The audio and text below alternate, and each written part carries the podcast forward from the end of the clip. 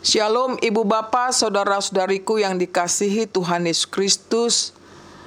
Saya menyapa kita semuanya, apa kabar kita di tempat kita masing-masing.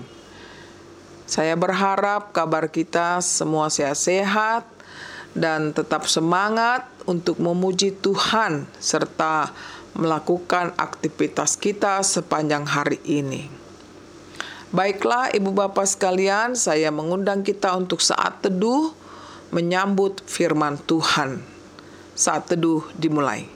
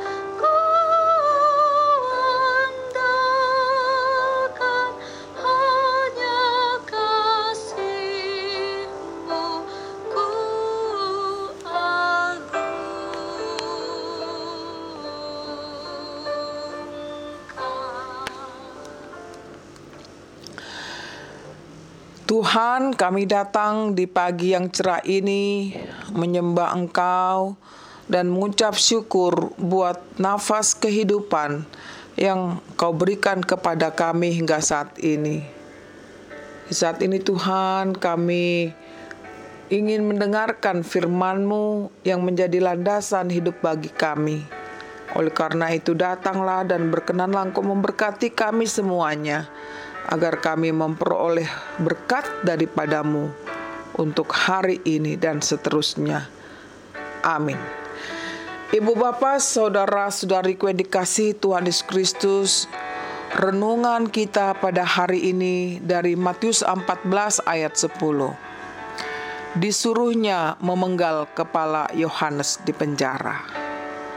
Disuruhnya memenggal kepala Yohanes di penjara Judul renungan ini adalah pertobatan. Ibu bapak, saudara-saudariku yang dikasih Tuhan Kristus, Nats ini merupakan perikop di mana Herodes menyuruh supaya memenggal kepala Yohanes Pembaptis itu. Oleh karena suatu permintaan anaknya dan istrinya.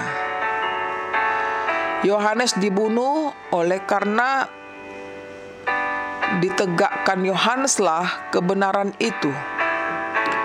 Ia dimasukkan ke dalam penjara oleh karena dia menyatakan kebenaran itu, yakni menegur Herodes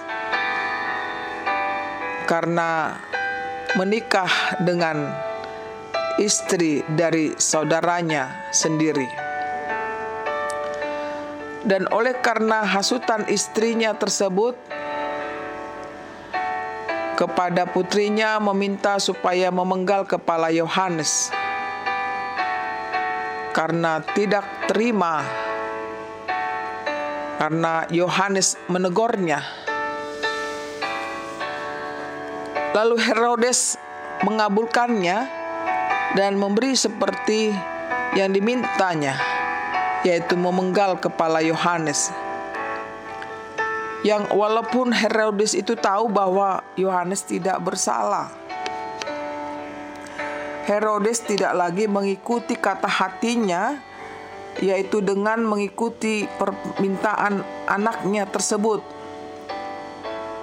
sehingga ia merasa tidak tenang dan dihantui oleh rasa bersalah, sehingga membuat jiwanya tidak tenang. Saudara-saudaraku, mungkin kita juga pernah menjadi Herodes dalam hidup kita sekarang itu, yaitu buta akan kebenaran demi keinginan kita. Kita menyakiti saudara-saudara kita, lalu kita merasa bersalah dan tidak tenang oleh perbuatan kita. Kalau dalam nats ini Herodes membunuh Yohanes, pada saat ini kita menyakiti hati saudara-saudara kita, baik melakukan secara sengaja maupun tidak sengaja melalui perkataan dan perbuatan kita. Oleh karena itu, saudaraku, melalui nats ini kita diajak untuk tidak melakukan dosa, supaya kita tidak dibayang-bayangi oleh rasa bersalah yang membuat jiwa kita tidak tenang.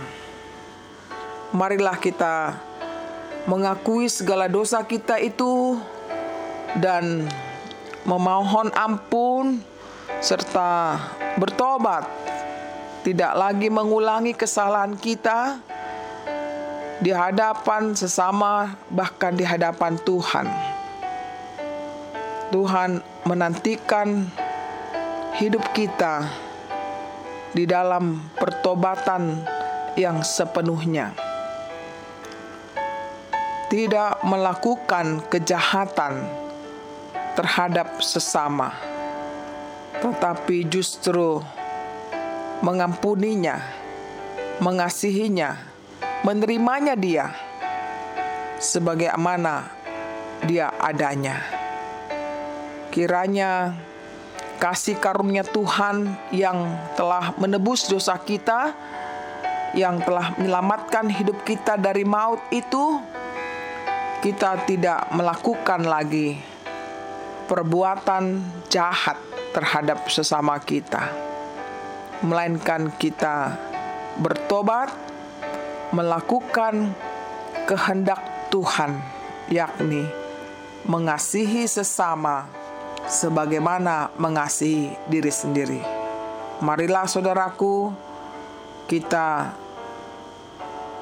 tetap melakukan apa kehendak Tuhan. Dan Tuhan pasti berkenan memberkati hidup kita saat ini dan esok selanjutnya. Marilah kita bersatu hati untuk tetap memuji-muji Tuhan dalam kehidupan kita. Tuhan memberkati kita. Amin.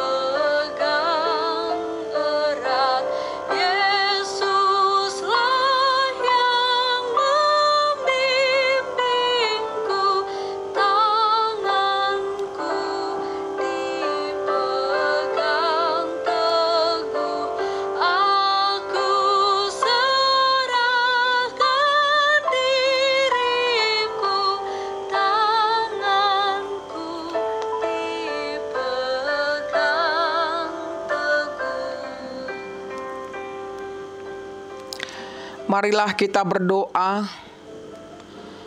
Terpujilah Engkau Allah Tuhan kami dalam Yesus Kristus. Kami sungguh bersyukur untuk kasih setiamu yang tetap menuntun hidup kami ke jalanmu yang benar. Kami sungguh bersyukur Tuhan buat firman-Mu yang kami dengar pada hari ini yang mengingatkan kami untuk menanggalkan segala kejahatan-kejahatan kami terhadap sesama kami. Tuhan, sering kali kami melakukan yang tidak berkenan di hadapan-Mu, menyakiti sesama kami, membenci sesama kami, menista, dan segala macam yang kami uh, perbuat untuk sesama kami yang tidak layak di hadapan-Mu.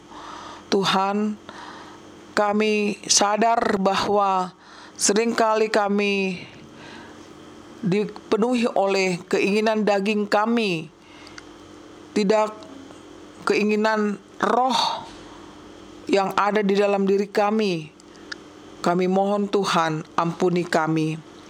Kami bertobat Tuhan untuk tidak melakukan, tidak mengulangi lagi hal-hal yang tidak berkenan di hadapan-Mu. Tuhan, kini kami berdoa menyerahkan kehidupan jemaatmu yang hari ini mereka beraktivitas di luar rumah atau di dalam rumah, kiranya engkau berkenan memberkati mereka.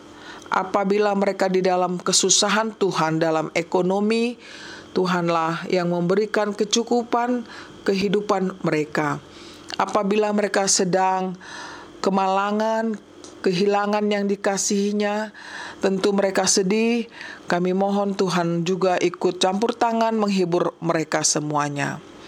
Apabila saat ini mereka sedang berulang tahun, kelahiran maupun pernikahan, Tuhan juga memberikan sukacita bagi mereka. Kami juga teringat Tuhan buat saudara-saudara kami yang sedang sakit di mana pun mereka berada pada saat ini. Apalagi karena pandemi COVID-19. Tuhanlah yang memberikan kesembuhan melalui para tim medis yang memberikan penghiburan, yang memberikan kesembuhan kepada mereka yang sedang sakit. Kami tidak lupa berdoa buat pemerintah kami Tuhan yang dipimpin oleh Bapak Presiden kami Joko Widodo.